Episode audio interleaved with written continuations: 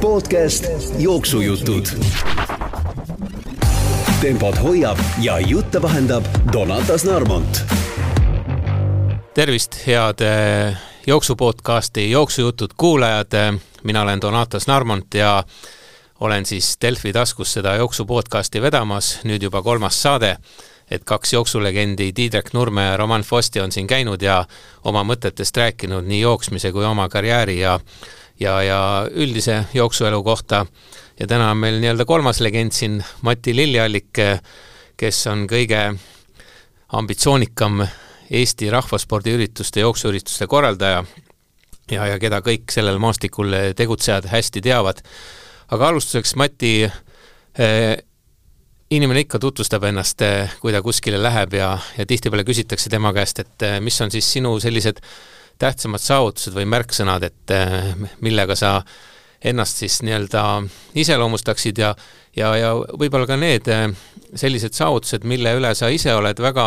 rahul ja, ja mida meenutad teinekordki, et inimene ju jätab märke endast ajalukku maha ja, ja teinekord on äh, hea meenutada selliseid asju, mis on kunagi tehtud ja korda saadetud ja need, need asjad nagu elavad ka ajas edasi, et, et mille juurde sul on alati hea tagasi tulla, et millised sellised sinu nagu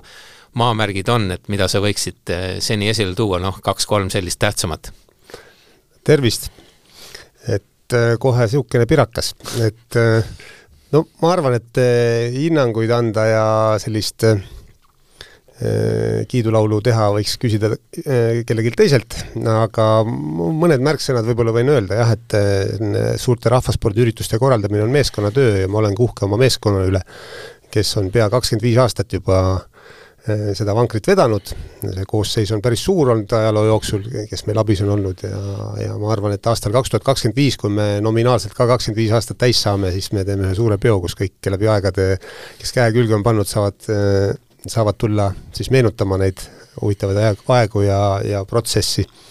aga võib-olla uhked võime olla äh, selle üle, et me oleme suutnud Tallinna sügisjooksust, mis algas aastal kaks tuhat, kasvatada äh, suure rahvusvahelise maratoni, Tallinna maratoni näol, kus siis äh, programmis on erinevad jooksudistantsid nii lastest kuni, kuni suurteni välja ja äh, ja see on äh, tõesti siis Eesti kõige suurema osalejaskonnaga rahvaspordisündmus ja kõige suurema välismaa äh, külasti, külastajate arvuga äh, üritus. et ma arvan, et see on see, mille üle on põhjust kogu meeskonnal meil uhke olla ja mis on tõesti meil selline kroonijuveel olnud, aga, aga ma arvan, aegade jooksul me oleme erinevaid asju veel teinud, et et, et aga sellest siis võib-olla sinu, sinu eestvedamisel. jaa, täpselt sinna ma tahtsingi kohe jõuda, sellesama Tallinna maraton, mis on sinuga seoses üks selline märksõna, et tegelikult mäletan aegu, kus seda Tallinna maratoni korraldati ka ja jooksime seal kuskil Pirital ja, ja, ja Viimsi kandis ja Rein Raspel, üks selline mees oli, oli selle korraldaja, noh, osalejaid oli võib-olla sadakond, eks, nüüd on üritus selline, kus on rekord vist kas kakskümmend kolm või neli tuhat, eks, et eh, kuidas see sul ikkagi on õnnestunud no hoopis teistesse gabariitidesse selle asi panna või mis oli see märksõna, et eh, millest kõik alguse sai? no ma arvan ikkagi jällegi, ma tulen selle meeskonnatöö juurde tagasi, et üks asi see, teine asi ambitsioonikus ja, ja tõesti me oleme üritanud jõuda jooksjani ehk siis või osalejani ja teha tema jaoks võimalikult mugavaks ja võimalikuks, võimalikult atraktiivseks selle jooksuürituse, et, et inimesed tuleksid kohale ja tuleksid eh, koos seda jooksu nautima, nii nagu mujal maailmas on traditsiooniks saanud, et mitmel, mitmete Euroopa riikide pealinnades on ju suured maratonid, et miks mitte me, meil väikses Eestis ka ei võiks niimoodi olla ja kui me aastal kaks tuhat kümme esimese maratoni distantsi kava võtsime, tollase sügisjooksu programmi, siis oli tõesti selliseid skeptikuid oli väga palju, et Eestis oli tol ajal võib-olla läbi aegade suurimaks maratoniks olnud kunagine Vändra maraton, kus võib-olla kolmsada osalejat oli olnud, eks, kolm-nelisada osalejat seal sügaval nõukaajal ja nüüd meie ütlesime kohe minu suu läbi ambitsioonika eesmärgi välja, et tahame esimesel aastal kohe tuhat osalejat saada, siis nii mõnigi päris tuntud jooksumees või maraton, maratoonar isegi tuli mulle ütlema, et kuule, ära nüüd ärple, et ise ei ole ju ühtegi maratoni jooksnud ja kust sa tead neid asju. aga no meil oli, ambitsioon oli suur ja tõesti, kaks tuhat kümme, kui me esimese maratoni ära korraldasime, siis lõpuprotokollis oli üheksasada üheksakümmend viis lõpetajat, nii et ma ei, oma sõnu ei pidanud sööma tegelikult no aga kust need jooksjad siis ikkagi tulid, et tegelikult ju see tundub nagu veidi vastuvoolu ujumine, et öeldi, et öeldakse, et eh, vanasti nii-öelda oli inimestel vähem võimalusi, vähem selliseid eh, väljakutseid ja, ja, ja huvitavaid asju, kus oma aega veeta, nüüd on neid juurde tulnud ja, ja vastupidi, on, on jooksjaid ka juurde tulnud, et tegelikult ju oli jooksmine nii-öelda varem selline asi, mis, mis nagu nii-öelda oli paljudele kättesaadav, aga, aga nüüd on just nagu risti vastupidi, et sa oled suutnud sellises nagu väga paljude võimaluste maailmas ikkagi inimesed tuua oma jooksuüritustele ja selliste massidena. No ma arvan isegi sellest massist võib-olla olulisem on see, et inimesi teadvustada, et selline regulaarne jooksuharjumuse kujundamine on kõige alus ja ja aeroobset trenni tehes on enesetunne hea ja võid äh,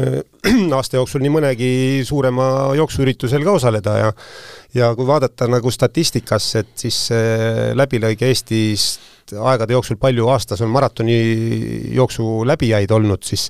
tõesti enne seda legendaarset aastat kaks tuhat kümme, kui meie esimest korda maratoni korraldasime, äh, oli aastas kuskil äh,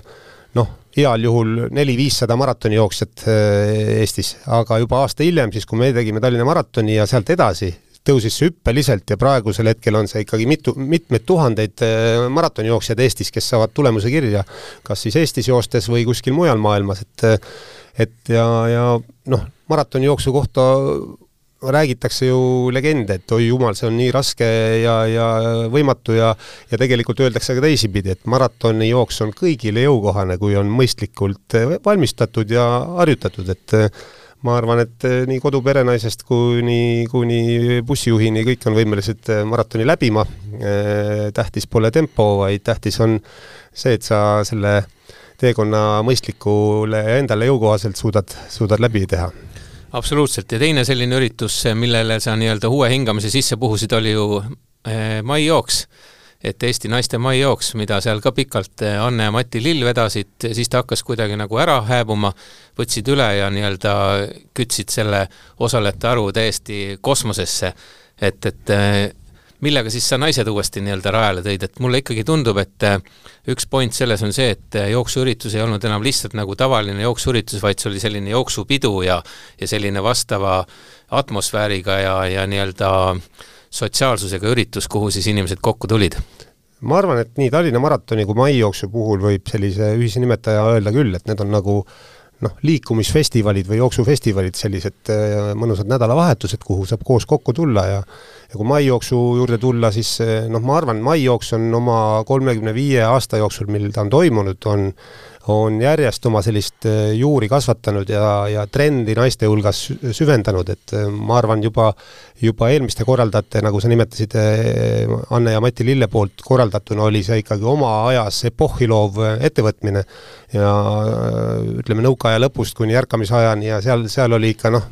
seal eelarvamuste kiuste nagu seda, sellist naistele suunatud üritust sellist maskuliinses spordimaailmas teha, oli üsna kõva väljakutse, aga ma arvan, noh,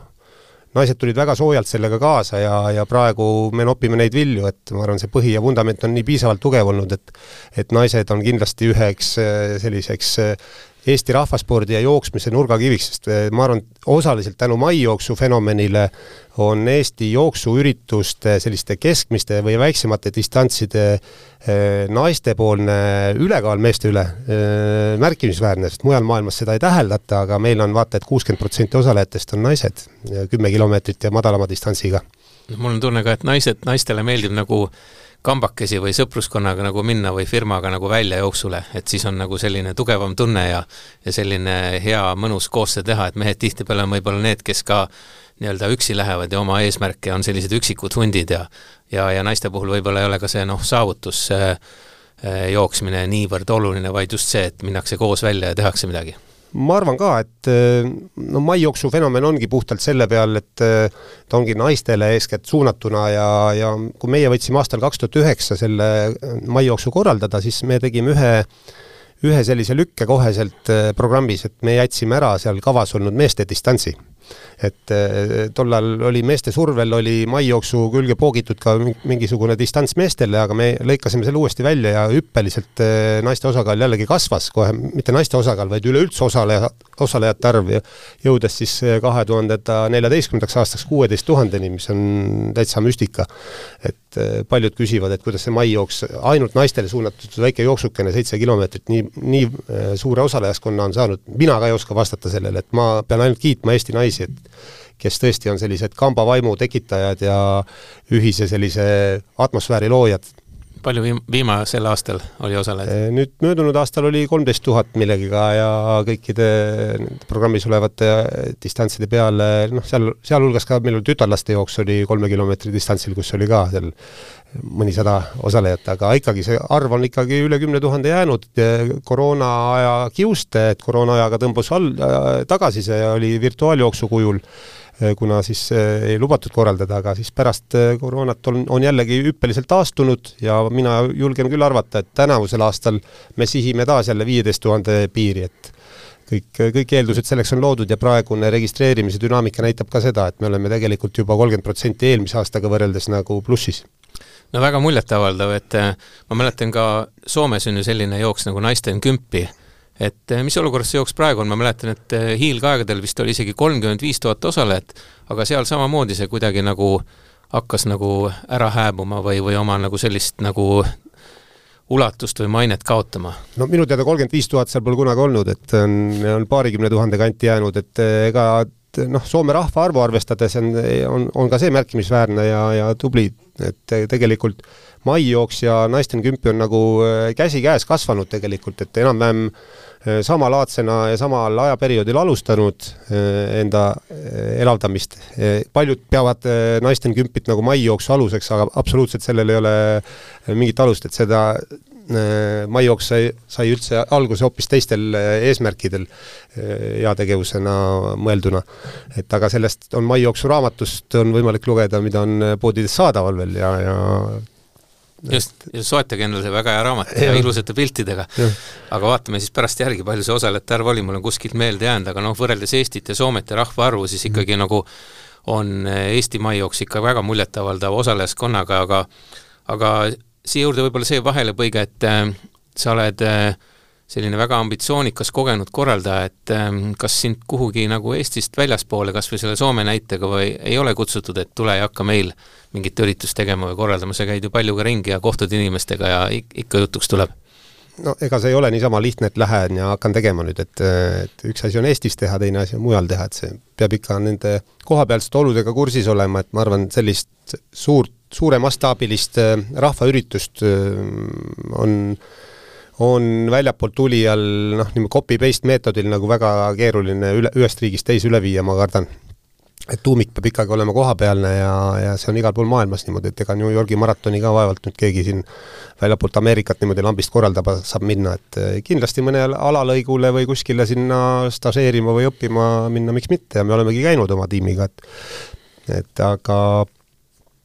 aga kunagi ei tea nojah, just, et kui siin korra seda Soome näidet veel vaadata, et tegelikult rahvaarv on ju kolm korda suurem või isegi rohkem ja, ja tegelikult selliseid nagu masse nagu üritustel ei ole, et Soomes on pigem selline jooksukultuur, et on väiksemaid jooksuüritusi seal igas väiksemas külas ja, ja, ja nii-öelda kandis ja inimesed käivad seal väljas, aga selliseid suuri nagu masse ei ole, et, et see on ikkagi natuke te teine lähenemine seal. Noh, Soomes on üleüldse on nagu spordiharrastus on ühiskonnas nagu perekonnas juurdunud ja nemad teevad sporti nii ehk nii, et ega üritustel käimata, et et meil seda harjumust veel, või see on lapsekingades õigemini, et meil on vaja, vaja ikkagi nagu turgutada turundusnippidega ka, milleks mõistagi need rahvaspordiüritused ka on, et et äh, siin peab käsi käes liikuma. no me jõuamegi selle nagu rahvajooksude ja jooksuürituste mõtteni, et, et äh, mis see siis nagu ikkagi peamine on, et üks on selge, et inimesed peavad liikuma, aga noh, see on nagu üks üritus, kuhu nad tulevad, et kui nad sinna ka tulevad ja valmistuvad, selge, et siis nad peavad trenni ka tegema. teine on siis ja nagu seal sportlik eesmärk on ju päris põnev ju vaadata, et palju sa jooksid ühel aastal kümmet kilomeetrit Tallinna maratonil, palju järgmine aasta ja, ja kolmas on kõik see nagu pidu ja meelelahutus ja selline nagu fun, et et kuidas see nagu kombo siin kõige õigem oleks kokku panna, et see võimalikult tulemus oleks maksimaalne korraldaja jaoks no ma usun, et siin mingit kindlat retsepti ei olegi, et äh, siis oleks ju kõik äh, suured korraldajad ja kühveldaks nagu tulu kokku, nagu nad eeldavad, et, et, et see nii li-, nii libedalt tuleb. et tegelikkuses on, kõik sõltub sellist filosoofilisest poolest, et äh, mille, mil-, mis sihid korraldaja enda jaoks seab ja meie olemegi võtnud enda suurte ürituste peamiseks sihiks selle, et luua selline mm, noh, ongi võib-olla õige sõna, ongi selline atmosfäär, kus siis seesama osaleja tunneb ennast vabalt ja mõnusalt, saab nii sporti teha kui nautida sellist mõnusat koosolemist ja, ja, ja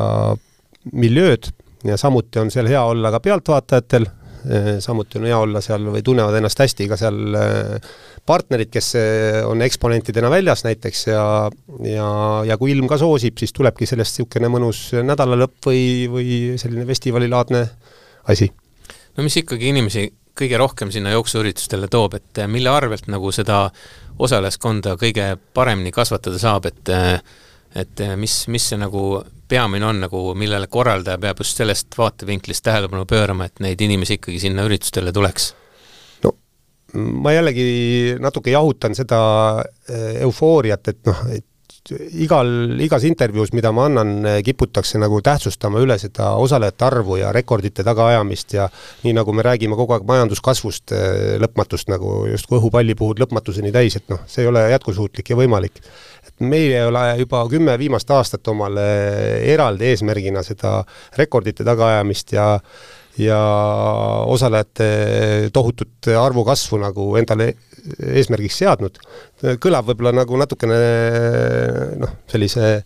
umbusklikult, aga, aga nii see on ja, ja me oleme pigem pöördunud, pööranud tähelepanu rohkem sellele, et kuidas need inimesi ära teenindada, neid on ikkagi arvukalt, ja, ja kuidas luua linnakeskkonnas sellised olud, et eh, see osaleja tunneks ennast hästi seal, aga samas me ei talluks liiga palju varbaid ka kaaslinlastel, liiklejatel, jalakäijatel, pealtvaatajatel. et see on nagu pigem tähtsam asi, kui et ajada taga seda rekordit. et ja siis teine, teine küsimuse pool, et kuidas seda osalejat siia meelitada, siis noh, ma arvan, et sellised head äh, turundussõnumid on omal kohal ja, ja võib-olla ka ärasidumine äh, ajalooliste protsessidega, no mäletame, kui kaks tuhat kaheksateist Tallinna maratoni osalejate rekord jällegi rõhutades sündis, eks ju, ja siis äh, oli Eesti Vabariik sajas äh, juubeliaasta ja, ja me tegime seda selles võtmes, olid rukkilille stiilis medalid, sinimustvalged jooksusärgid äh, ja ülev, ülev meeleolu ja, ja tuligi rekord, eks. et ilma, et seda rekordit otseselt eesmärgiks oleks peetud, et, et mine tea, nüüd järgmistel mingitel daatumitel võib-olla me sihime jällegi nagu ütleme sellise hea põhjuse nagu jooksule tulla ja iseenesestmõistetav, et sellega kaasneb ka osalejate arvu arvu kasv. on see siis näiteks, kui me tõesti aastal kaks tuhat kakskümmend viis oma kahekümne viiendat tegevusaastat tähistame või mis iganes. no selge jah, et äh, nüüd jõudsimegi jooksu korraldamiseni, et, et see on tegelikult äh, väga mahukas protsess, väga palju pisiasju, kui ma Rapla Selveri suurjooksu korraldajana ükskord panin need tegevused kirja, ma sain kolmsada erinevat asja ja lisaks veel, et no see on ju väike üritus võrreldes Tallinna maratoniga, et kuidas sa nagu kõike seda suudad hallata, et, et seal on eh, niivõrd palju erinevaid asju, et sa midagi ära ei unusta, et kuskil midagi logisema ei hakka, et noh, sa oled rõhutanud selle meeskonna tähtsust, aga ikkagi sina oled nagu peakorraldaja, sina vastutad kõige eest. No ma arvan, sa vastasid ise ära, et meeskond ongi selle jaoks ja, ja meeskond on aastate jooksul kujunenud äh, nii tugevaks, kui ta on ja iga, iga meeskonnaliige val, valdab oma, oma ala ja, ja hoiab nendel küsimustel silma peal, et ühtegi asja ära ei unune, aga loomulikult, kus on Ehm, mida suurem üritus, seda rohkem tuleb ka eksimusi sisse ja see on paratamatus ja ja nii juhtub ka meil prohmakaid, et ikka ununeb midagi ära või ikka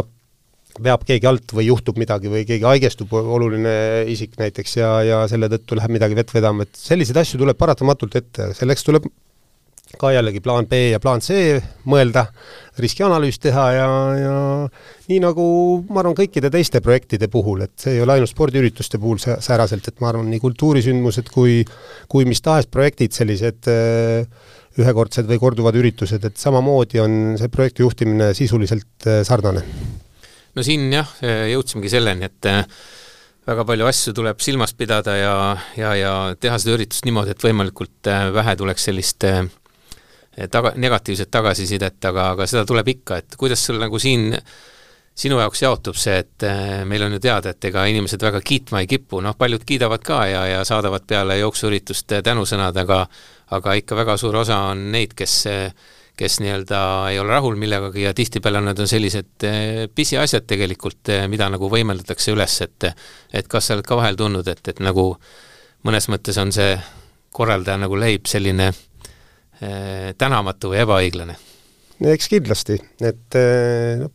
peab arvestama ka sellega, et paljud reageeringud tulevad ju esimese emotsiooni pealt, ilma et süvenetakse.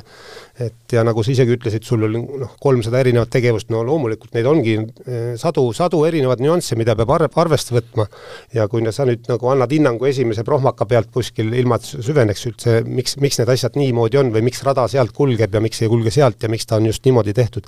siis need on, eh, korraldaja peab arvestama ju kõikide nüanssidega ja ja loogiline, et teeb pahaseks ja, ja meelemõruks see, kui tuleb selline noh, ülereageerimine või, või, või halvustav äh, reaktsioon kellegi poolt. samas jällegi ma möönan ka seda, et äh, kui tuleb äh, piisavalt kriitilises toonis selline näpuviibutus asja eest, siis tuleb seda ka tunnistada ja seda ka kuulda võtta ja, ja seda ka avalikult välja öelda, et ei saa pead liiva alla peita, jaanalinnu mängida, et eh, kui, kui sul ikkagi nagu masinavärgis kuskil midagi logiseb, siis tuleb see ära õlitada, ära parandada ja korda teha, et et ma arvan, selliselt elutervelt tulekski tegutseda ja siis on, siis on ka selline hoiak nii osalejate kui ka asjasse, asjasse võib-olla mitte pu nii puutuvate inimeste reaktsioonide poolt nagu selline parem ja, ja arusaadavam. no mida see tänapäeva jooksja kõige rohkem nagu sellelt jooksuürituselt ootab, et eh, kas see, et eh, oleks rada selline mõnus ja hea ja sobiv ja hästi tähistatud või või et eh, oleks meelelahutus võimalikult hea või või, või mis on kõige tähtsam, no sa ise tunned, et, et kui sa hakkad jooksuüritust korraldama? no vot, eh, mina võib-olla olen natuke halb vastaja selle koha pealt, mina ise jooksen heal juhul kümnekilomeetriseid otsi, aga, aga aga sellised eh, regulaarsemad eh, harjutajad, kes jooksevad siin nii lühikesi kui pikemaid otsasid, nendelt tuleks seda tagasisidet küsida ja me seda monitooringut aeg-ajalt oleme teinud. ja tõesti, võib-olla nende jaoks, kes tulevad tulemust jooksma, on tähtis rajaprofiil, et kas rada on kiire, kas on vähe kurve ja kas on tõusu, tõusumeetreid vähe, see on hästi oluline ja loomulikult ka, mis klimaatilised tingimused on, kas on tuuline, mereäärne rada Tallinna maratoni puhul on suure tuuleriskiga, eks ju. et tuleb selliseid asju hinnata. see inimene, kes tuleb nagu rahvajooksjana osalema, keda on valdav enamus, tema tuleb eelkõige emotsiooni saama et äh, ma julgen arvata, et tema on kõige tänuväärsem sellise mm, osaleja, kellele tuleb väga palju panustada, ehk siis äh, hästi olulisel kohal on teenindamine. Äh, stardist alates sekretäriaadist numbri saamisest kuni sellesama medali kättesaamiseni, joogi, joogipunktides joogi ulatamiseni ja sinna juurde kuuluvate ergutuspunktide ja kõikide muude vahepaladega peab olema eeskujulikult tehtud ja tõesti, me pingutame selle nimel, et see kõik osalejad saaksid osa sellest ja nautida. ma arvan, see on nagu üks osu, oluline osa, aga loogiline, et on äh,, ei ole vähetähtis ka see, et äh, selline sõpruskonnaga või, või ka kolleegidega ühiselt äh, veedetud päev, sportlikult veedetud päev on ülimalt oluline ja järjest trendikamaks muutumas see on jah, tõesti oluline, et, et inimesed oleksid rahul, et siis nad tulevad ju ka järgmine kord sinna osalema ja kutsuvad oma ka sõpru ja kaaslasi kaasa, et nii, nii need nagu nii-öelda osalejad sinna tulevad, et kõige parem tagasiside öeldaksegi, et on vahetu selline nagu tagasiside, aga kui me jõuame ka jooksude eelarve juurde ja, ja palju räägitakse sellest, et kuivõrd äh, kasumlik ja, ja kuivõrd mõttekas üldse jooksuürituse korraldamine on, noh siis kui võtame sinu kõige suurema ürituse, Tallinna maratoni, noh, kakskümmend tuhat osalejat, korrutame siin kolmekümne euroga, osavõttumaks ma võtsin sellise keskmise kuussada tuhat, sponsorid juurde veel, riigitoetused, asjad, ikka eelarve on miljon ja rohkem, et et äh, kui palju on Tallinna maratoni eelarve? Tallinna maratoni ja sügisjooksu äh, eelarve kokku läheneb kahele miljonile ja ütleme, kahekümne kolme aasta jooksul, mis me oleme korraldanud sügisjooksust siis kuni Tallinna maratonini, võib öelda, et plussi oleme jäänud neljal korral. nii et tulge, tulge ja hakake korraldama. see on väga kasumlik. no tundub küll selline, selline jah, veidi, veidi üllatav, et tegelikult see on ju suur töö, mida, mida te teete ja mida sa ise ka teed, et et võiks ju mõelda, et kümme protsenti kasumit võiks olla normaalne sellise ürituse puhul, kakssada tuhat, et ei ole ju äri nii-öelda nagu äri, ärimaastikuga võrreldes väga midagi nagu erilist, aga, aga mille taha see siis jääb, et eh, ikkagi, ikkagi need, need kasumlikkused on rasked tulema? no kui me teeksime, see on sama, nagu ma ütlen jällegi, et kui meil oleks eesmärk ainult rekordeid püstitada ja, ja samamoodi, kui meil oleks mittetulundusühinguna, nagu me tegutseme, eesmärk ajada taga kasumit, esiteks me ei tegutse, me ei oleks siis mittetulundusühing, vaid me võiks ennast siis registreerida äriühinguks ja võttagi eesmärgiks nagu raha teenimise, aga meil on natuke sügavam eesmärk ja, ja selle tõttu ei ole see noh, ütleme, teenimine jooksjate pealt eh, nii esimese täht-, esimesel kohal, et eh, loogiline, et me peame vaatama, et me väga suurde miinusesse ei jää ja ots otsaga kokku tuleme, aga paratamatult, kui me suuri üritusi planeerides teeme selliseid ütleme siis mitme aasta peale hästi olulisi strateegilisi otsuseid, nagu Tallinna sügisjooksu ja maratoni puhul oli näiteks Rocca al Mares Tallinna kesklinna kolimine, siis oli seotud väga suurte väljaminekute ja investeeringutega, millest tekkinud miinust siis me mitu aastat lappisime ja ja selliseid suuri, suuri muudatusi äh, tuleb veel ette, kui kas või näiteks, kui Tallinna maraton äh, kandideeris äh, rahvusvaheliste maratonide arvestuses eliitlabel maratoniks, siis seal on omad nõuded ja omad nüansid, mis tuleb ära täita, auhinnaraha, auhinnafond suurenes sisuliselt neli korda, mis tuleb korraldajal tagada, eks meil, meil tuleb kõik sellised asjad nagu läbi mõelda ja eelarvestada ja leida need vahendid. Et aga no loogiline, et, et meil peab tekkima ka teatud tulu selleks, et eh, oma meeskonnale palka maksta, et oma partneritele arved ära maksta ja et tagada see, et oleks avalik kord ja ja turvalisus tagatud ürituse ajal, et eh, need kulutused on märkimisväärsed ja ei ole väikesed. no ma ei näe selles midagi imelikku, kui jooksukorraldaja teenib eh, kasumit, tema tegevus on ju suunatudki inimeste tervise parandamisse, see kõik on ju väga head, head nii-öelda eesmärgid ja, ja miks mitte ei võiks siis sellega teenida, see on ju sinu raske töö ja amet ja, ja kui siin firmadeks, kes müüb alkoholi, kes müüb kiirtoitu, kes pakub ei, ei tea, mis, mis teenusteks, mis võib-olla ka ütleme, noorte või laste suhtes ei ole niivõrd, niivõrd eks, kuidas ma ütlen, nagu head, head, et siis, siis see, mida sina teed ja sinu meeskond, on ju otseselt äh, suunatud ühiskonna paremaks sa-, saamisele, nii et, et eh, ma ei näe nagu midagi sellist halba, kui, kui see tegevus kasumlik oleks, aga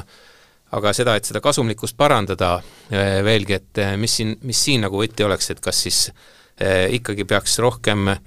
spordiüritusi toetama riigi omavalitsuste poolt tõstma osavõtumaksu või, või, või mis siin nagu veel nii-öelda arenguruum oleks no ma arvan jällegi, tulen, tulen jälle selle mantra juurde, et meil ei ole eesmärk kasumi teenimine ja teiseks nagu noh, kui me tõesti tahaksime nüüd vaadata, et eelarve peaks tasakaalus olema, siis eh, praegusel hetkel võib-olla kogu sektorit vaadates on, on eh, võib-olla käärid seal, et on, tagasilöök on viimasel kümnendil olnud avaliku sektori toetuse osas kogu sektorile Eh, ehk siis liikumisharrastusele ja teine pool on see, et eh, ega eratoetajatel ei lähe praeguses majandusoludes väga hästi ja et väga-väga hoogsalt siin eh, toetusnumbreid ei suurendata, et kui õnnestub jätta toetajad, eelmiste aastate toetajad alles, on, on väga hästi läinud, uusi juurde leida on ülimalt keeruline. et ma arvan, selle eelarve täitmise juures on, on need nüansid hästi olulised, aga loogiline on see, et tuleks mõelda välja ka natukene uusi tegevusi ja uusi atraktsioone võib-olla, mis, mida saaks siis raha eest turundada, on need siis äh, jooksusärgid või on need mingisugused muud tegevused, kus siis, kus siis on võimalik nii-öelda piletit müüa või äh,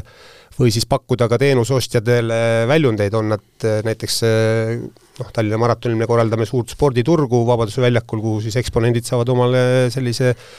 väljapaneku koha osta ja, ja, ja korraldaja saab selle eest siis mingisugust tulu, eks ja, ja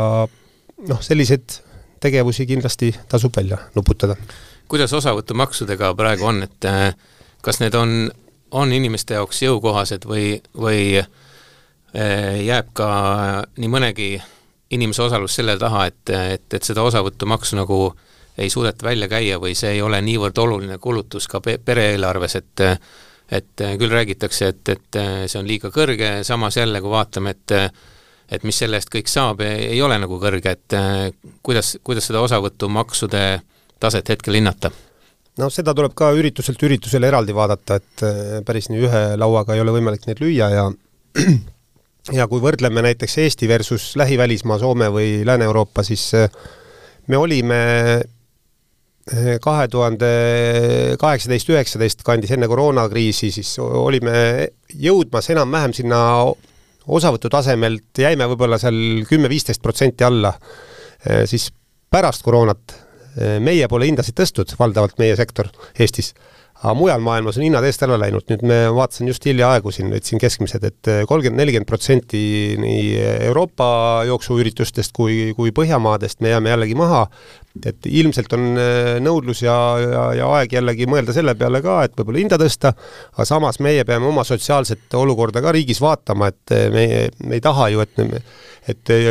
jooksuüritused oleksid pelgalt e-, elitaarsele ühiskonnagrupile, vaid ikkagi kõigile võima-, võimalikud, et et äh, siin tuleb väga-väga vaadata seda, mis, mis asi on eesmärk, kas, kas eesmärk on see, mis sa rõhutad, seda tulu teenimine või eesmärk on ikkagi sotsiaalne, ehk siis pakkuda liikumisvõimalust ja sellist ühise ürituse rõõmu äh, laiemale ühiskonnagrupile, mis on meie eesmärk valdavalt. Et, et ma arvan, siin äh, seda hinnastamist tuleb väga vaadata, et et loogiline, et õiglane hind on selle tunneb osaleja kohe ära, et kui on see pilet nii-öelda, mis osteti jooksule väärt seda, siis ta tunneb rahulolu pärast, ta sai ilusa medali, ta sai teeninduse, ta sai kontserdi, ta sai mis iganes veel seal. ja, ja, ja samas jällegi, kui, kui ta maksis kalli piletiraha ja selle eest sai pettumuse osaliseks, siis loomulikult ta järgmisel aastal ei tule, et et korraldaja peab kõiki neid nüansse jälgima ja vaatama, et see on ju peegeldus ongi see osalejate rahulolu ja osalejate arv eelnevatel või järgnevatel aastatel, et kas sa oled asja äh, untsu keeranud või oled midagi hästi teinud, et see on, hinnang antakse osaleja poolt.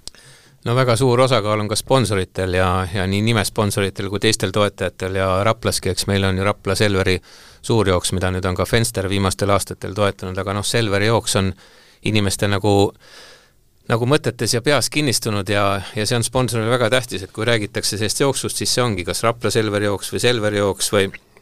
et see on ju eesmärk, et eh, nii-öelda firma nimi läbi kõlaks, samamoodi on ju paljudel nimetavad Tallinna maratoni SEB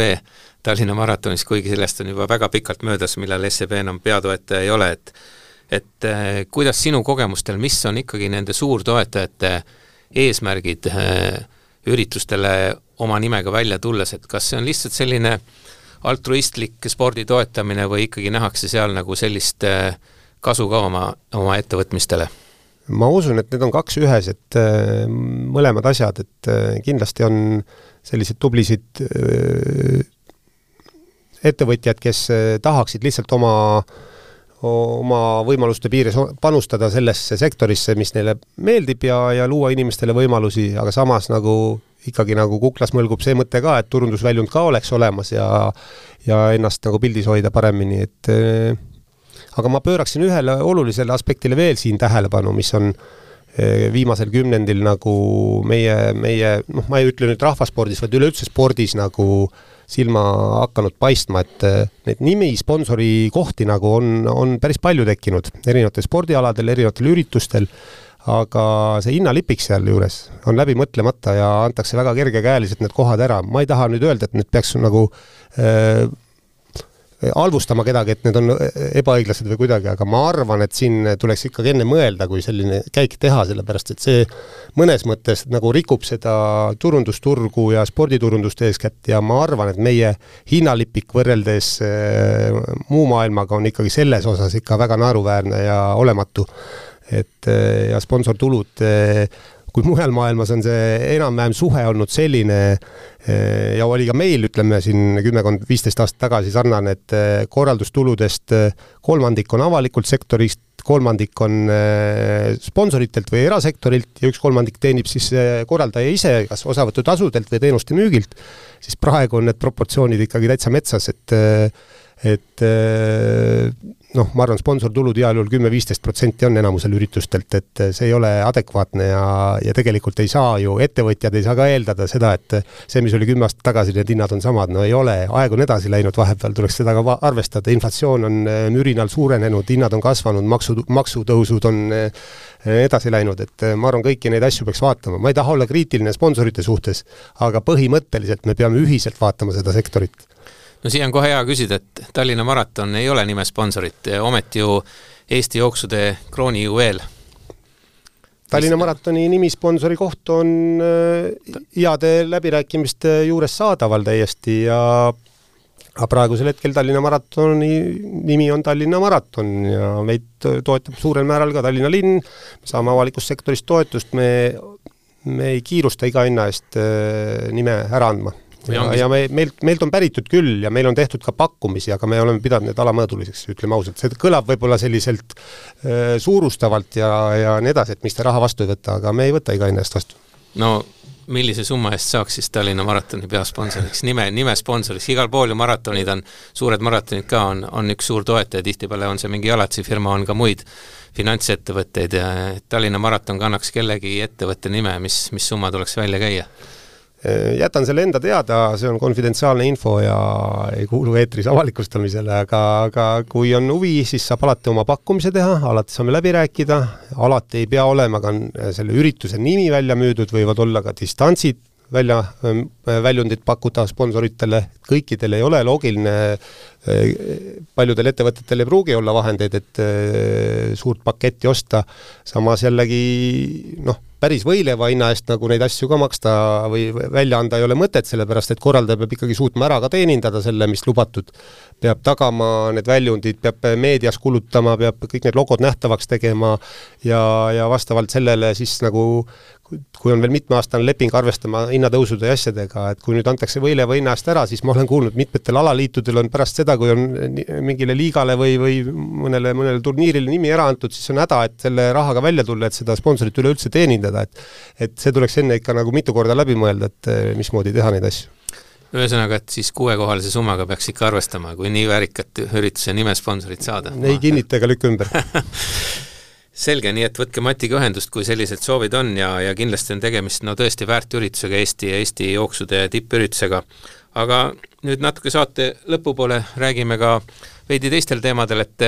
no kõigepealt see küsimus, et kui sa oled selle ürituse ära teinud, et kuidas sa ise lõõgastud siis, mis, mis sind nagu taastab sellest? mina näiteks, kui Rapla jooks on tehtud, naudin seda, et lähen sauna, viskan laua peal pikali, joon paar head külma õlut ja mõtlen, et küll oli ikka mõnus, et see nüüd läbi on no mina olen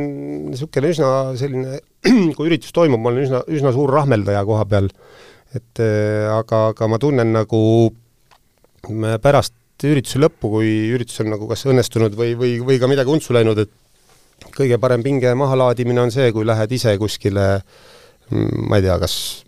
matka, matkama kuskile pikemale matkale või, või sörgi, sörgiotsale ja pärast teed tõepoolest ka sellise korraliku sauna ja, ja äh, reeglina ürituse järgsel nädalal ma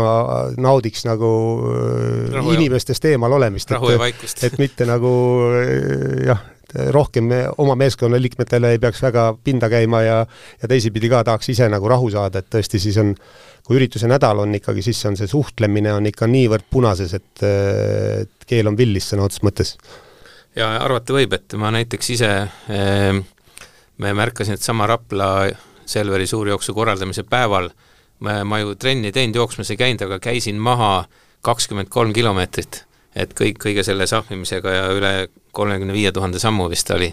nii et, et see, see koormus on suur ja tõesti, et kui mõnel päeval teed seal isegi kakssada kuni kolmsada telefonikõnet, ma olen vaadanud, siis selle järgselt ei tahaks ühtegi kõnet enam vastu võtta. ainult võib-olla, kui lapsed helistavad või mõned lähedased, nii et, et see on tõesti nagu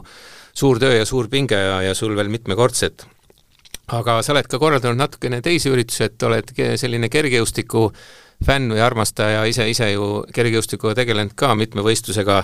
et eh, need kuldliigad ja GP-d ja see on ikka sul kuidagi nagu hinges, et, et, et ka sellisel tipptasemel kergejõustiklasi Eestisse tuua ja neid Eesti rahvale näidata? jaa, kergejõustikuvõistlused on südamelähedased ja jooksmine on ka kergejõustikuala, et et tõesti, me oleme paarkümmend viimast aastat teinud ka staadionidel ja erinevates paikades selliseid klassikalisi kergejõustikuvõistlusi ja jätkame seda ka tänavu, et tänavu toimub kolm kergejõustik, suurt kergejõustikuvõistlust Eesti erinevas paigus, Jõhvis kahekümne kolmandal mail, kahekümne kaheksandal mail Pärnus rannastaadionil ja kakskümmend juuni enne jaanipäeva on siis Kadrioru staadionil Tallinnas, kus siis on Rahvusvahelise Kergejõustikuliidu Continental Tour pronkstasemega kergejõustikuvõistlused kus siis saab kõik võistlejad, kes osalevad, saavad reitingupunkte kvalifitseerumiseks tiitlivõistlustele, sealhulgas Pariisi olümpiale et ma julgen küll arvata, et need kolm võistlust Eestis on tänavu äh, kõige kõvema rahvusvahelise tasemega ja näeb nii kodumaiseid staare kui, kui ka külakosti mujalt, et mäletatavasti ju mullu Jõhvis paugutasid kettamehed kaks maailma parimat tulemust, et äh, Kristjan Tšehhi heidetud äh, tulemus jäigi sel aastal, möödunud aastal siis maailma parimaks ja ja ja Karl-Erik Nazarov püstitas ju saja meetri jooksus Eesti rekordi, mis siis äh, mis siis ootab nüüd tänavusel aastal ületamist, et mine tea, ühel nendest kolmest võistlusest võiks ju, võiks uued numbrid tulla. absoluutselt ja tippe on alati väga palju kohal olnud, et kas oskad nimetada ka mõne väga kuuma nime, kes sel aastal võiks tulla? no ma arvan, et kettapoisid kindlasti on äh, maailma parimal kettaheitestaadionil Jõhvis kohal, ma arvan, et äh, Kristjan Tšehh ja Daniel Stahl, äh, olümpiavõitja ja maailm, eksmaailmameister et aga, aga nimedest on natikene vara rääkida, loomulikult iga korraldaja unistab ju, et meil maailma absoluutsed tipud siin käiksid kohal, ega meilgi selle vastu midagi ei oleks, kui Armand Duplantis tuleks, hüppaks teivast kuskil meil või või äh, mõni, mõni teine kuulsus, Karsten Vahlholm näiteks Rasmus Mägiga duelleeriks Kadrioru staadionil, aga no kunagi ei, ei tea. Ja kui me piisaval hulgal toetajaid kokku saame ja, ja seljad suudame kokku panna, siis on kõik need asjad võimalikud pigem on just äh, probleem olnud selles, et Eesti omad kergejõustiklased ei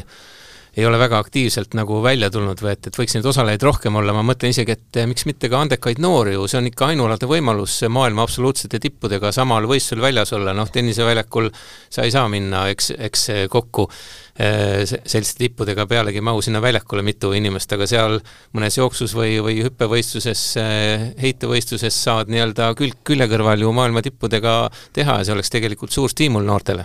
jaa, kindlasti see on kergejõustiku viimaste aastate üks häda, et meil on see ütleme siis tagala on niisugune äh, ahtake või siis kui on, siis ta on hooajaline, hästi hooajaline või isegi hooaja algusepoolne, et kui Estikad on läbi, siis selleks äh, öeldakse, et hooaeg on lõppenud, reeglina juhtub juunikuu jooksul niimoodi, et juuli-august juba puhatakse või tehakse midagi muud, aga aga nii hull see asi võib-olla ka ei ole, et ma arvan, selline esimene ešelon või koondislased, need on ilusti kohal kõik, et aga just see, kes nagu sa ise ka ütlesid, selline koondise lävepakul olev sportlane või kes, kes just peaks palju võistlema, et neid võiks jah, natukene rohkem utsitada treenerite ja klubide poolt, et nad leiaksid tee nagu staadionile ja tuleksid kohale, et ja oleksid tõesti stardis ja ei pelgaks võistelda ka parematega, ei pelgaks kaotada, sest kaotused õpetavad. et, et ma arvan, noh, siin tuleb natukene sellist meeskonnatööd teha nii Kergejõustiku Liidu poolt kui korraldajate kui treenerite ja klubide poolt, et, et sellist ühist nagu ütleme siis tagalat kasvatada ja et see võistlusel osalemine, võistlemine oleks ikkagi populaarne ja, ja mille pärast me siis treenime, mille pärast me seda kergejõustikutrenni teeme, kui me ei võistle? Absoluutselt, ja no siit jõudsime kohe otsapidi natuke noortespordini, et ikkagi ju seesama, millest me kogu aeg siin räägime, noored ei liigu ja ja on kehaliselt väheaktiivsed ja, ja ülekaalus ja mis siis sinu selline nii-öelda kuldne nõuanne oleks, et noori spordiõde tuua, et eh, võib kas või vaadata seesama Tallinna maratoni Nike'i noortejooksu, kus on ju hästi palju noori koos ja ja tundubki, et, et eh, et mitte ainult jooks ei too neid sinna, vaid just selline sotsiaalne moment, ühised särgid, eh, joostakse, tehakse selfisid, tuntakse mõnusalt nii-öelda ennast ja, ja veedetakse aega, nii et, et tegelikult võibki olla üks nii-öelda mõttekoht selles lähenemises noorte, noorte spordi juurde kutsumisele no ma arvan, elu on näidanud, et käsu korras selliseid asju, eriti noorte puhul, ei lahenda, et äh, me võime siin mõelda ju, nimetada kehalist kasvatust ümber, kuida iganes tahame, on ju, või, või või keelata ära hinnete panemise sporditundides või äh, kuni selleni välja, et võistlustel enam ei pea edetabeleid ja, ja pingerida, noh, see ei vii ka kusagile, ma leian. et pigem need, kes tahavad sporti teha ja on seal edukad ja andekad, no miks me neile, neid siis nagu peaksime nagu vältima või kuidagi, kuidagi nagu maha suruma, et et äh, ei saa ju nii olla, et kes füüsikat ei osta, oska, siis sellele hinnet ei panda, no ikka pannakse ju, et äh, või kes emakeelt ei oska, noh. et äh, ma arvan, sport ja kehaline kasvatus on samasugune asi. et aga ma arvan, tegelikult on põhipunkt ikkagi, hakkab perest pihta, et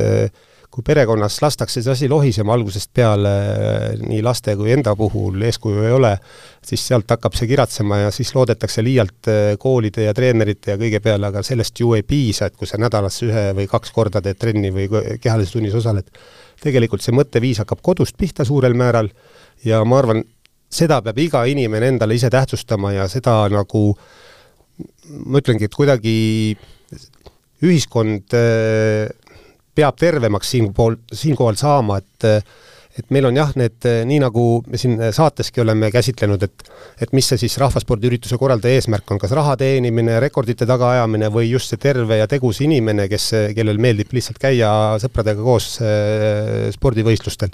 no ma arvan, samamoodi on selles ühiskonnas, et meil ei pea alati eesmärk olema see, nii et rahanumber, mida teenida selle elu jooksul, vaid, vaid just, et elada täisväärtuslikku elu, olla, olla mõnusalt oma sõprade ja perega koos ja ja olla terved seejuures, et äh, nautida seda, et et kui me sellise mõtteviisi suudame endale maha müüa, siis sealt hakkabki kõik pihta, ma arvan. Tuleb õigest otsast pihta hakata, et kui sulle tuleb äh, spordivõistlustel ja jooksuvõistlustel osalejaid, siis tuleb ka hiljem kasum, nii et ja samamoodi nagu öeldakse, et lapsed, kes vaatavad, kui palju tipptennisistid teenivad, et et sa ei saa kunagi hakata nagu selle eesmärgiga treenima, et, et et saan suureks ja murran maailma tippu ja siis teenin miljoneid, et tegelikult ikkagi on tahtmine oluline on see, et sa tahad parimaks saada ja siis tuleb kõik muu ka sinna juurde hiljem. no täpselt, et eh, jah, ei saa ju eh, kohe eeldada, et kui ma kümme kätekõverdust ära teen, et siis mul on muskel nagu Schwarzeneggeril, et ei ole niimoodi päris ja sport nõuab kannatust ja, ja pikka meelt, aga ma ise usun eh, nii-öelda saate lõpetuseks siin positiivsete nootidega eh, seda jutuajamist kokku võtta, et sport tegelikult on ikkagi tuleviku väljavaates, ma arvan, see, mis mis meile vajalik on ja mis meile jätkuvalt ja võib-olla isegi nagu järjest rohkem tegelikult positiivseid emotsioone võiks pakkuda ka võib-olla selles üldises maailmapildis, mis, mis siin hetkel ei ole võib-olla äh, nii positiivne nii majanduslikus kui, kui kõikide võimalike ohtude mõttes, sport on ikkagi see, mis meid aitab igas olukorras no ma tahaks ka väga loota, et see niimoodi on, et äh, oleme terved, oleme nii vaimselt kui füüsiliselt terved, et see on käsikäes käiv asi ja kui me seda suudame, siis on kogu, kogu maailm parem ja kõik, no just, kõigil parem elada. just, kas sul, Mati, on ka mingi unistus, mis lähiaastatel võiks täituda? Äh, nüüd sa panid küll piraka, et äh, no inimestel peavad ikka unistused olema. mina sooviks seda, et äh, meie korraldatavad üritused oleksid jätkusuutlikud ja ma suudaksin äh, lähiaastatel välja koolitada oma uue noore värske, värske tiimi, kes suudab seda asja edasi kanda, kui mina peaks ära väsima ühel hetkel, et ma, mina olen kogu aeg seda mantrat tagunud, et sport on noorte inimeste pärusmaa ja spordiüritusi peavad vedama ka valdavalt noored inimesed. mina olen ka juba viiskümmend pluss, et mul hakkab ka parim enne mööda saama, et vaja on koolitada noori no ära ütle midagi, et numbrid pole tähtsad, et tegelikult te oma pressiteadetes ka alati toote välja, et palju on registreerunuid, palju on osavõtjaid, no võtame lihtsama küsimuse siis siia lõpuks, et eh, Tallinna maratoni sügisjooks see aasta, et eh, palju see osalejate number peaks olema, et see sind rahuldaks? rekord ma ütlen ausalt, et eh, ma olen, eh, ma olen rahul sellega, palju tuleb, vahet ei ole, palju see on siis, aga ma ei imesta, kui sel aastal võib sündida täitsa uus osalejate rekord, et praegu ma ütlengi, et maijooksu trendi vaadates ütlesin kolmkümmend protsenti rohkem kui eelmisel aastal samal ajal registreerijaid, siis Tallinna maratoni ja sügisjooksu erinevate distantside puhul on sama trend. et täitsa uskumatult praegu aasta lõpus äh, pandi päris usinalt kirja ja kas anti uusaasta lubadusi või, või mis iganes. aga, aga praegu tundub, et liikumisharrastus on popiks läinud uuesti või poppimaks minemas ja, ja kui vaadata näiteks, toon ühe statistilise nüansi sisse, et mis ei ole vähetähtis, et äh, läänemaailmas või siis Ameerikas õigemini ja ka siis ütleme, Ameerik-, Põhja-Ameerikas ja, ja Lääne-Euroopas on möödunud aastal Äh, rahvusvaheliste suurte ürituste ehk siis maratonijooksude osalejate arv äh, saavutanud äh, võrreldes koroonaeelse ajaga kümne-viieteistprotsendilise kasvu. meil ollakse sama palju veel maas, ehk siis kümme-viisteist protsenti sellest ajast maas, aga reeglina, mis on olnud lääne pool trendiks, see jõuab meile kahe-kolme aastaga et mina julgen küll arv-, arva-, arvata, et uus jooksubuum on lähenemas meile ja tuleb see ainult kinni püüda, et et loodame, et siin äh, えー、ümberkaudsed kriisid siin meid, meid nagu selleks ei takista ja see keskkond meil väikses Eestis ikkagi on selline, mis ei hirmuta ka väliskülalisi ära ja mis soodustab ka meie inimestel ikkagi sellist igapäevset, päevast mõnusat ajaveetmist ja liigutamist ning spordi tegemist no ütleme selle numbri ka siis praegu välja, et sa ütlesid küll märkmeid kaasas ei ole, aga seda sa tead ilmselt peast, et palju see Tallinna maratoni kõikidest distantside osalejate senine rekord on? Ma võin praegu puusse panna, aga kakskümmend kolm tuhat millegiga. selge, nii et, et see kakskümmend viis oleks, oleks ilus number või, või siis järgmine aasta, kui kui on kaks tuhat kakskümmend viis ka Euroopa, Tallinn on Euroopa spordipealinn, nii et selliseid märke on hea nagu silmas pidada, aitäh, Mati Liljelik, tänase intervjuu eest, Tallinna maratoni ja sügisjooksu ja paljude muude jooksuürituste peakorraldaja ja tõdesime siis, et jooks ja sport on endiselt mõnus ja kasulik ja, ja kui vähegi võimalik, siis minge ja liigutage ennast, praegu saab veel suusatada, aga noh, veebruar on kohe käes ja paar kuud veel ning läheb selline mõnus Eesti jooksuhooaeg lahti, et soovime teile seniks eh, head tervist ja, ja sportlikku meelt ja kohtumiseni siis taas juba järgmistes eh, jooksujuttude podcastides Delfi taskus. podcast Jooksujutud tempot hoiab ja jutte vahendab Donatas Narmont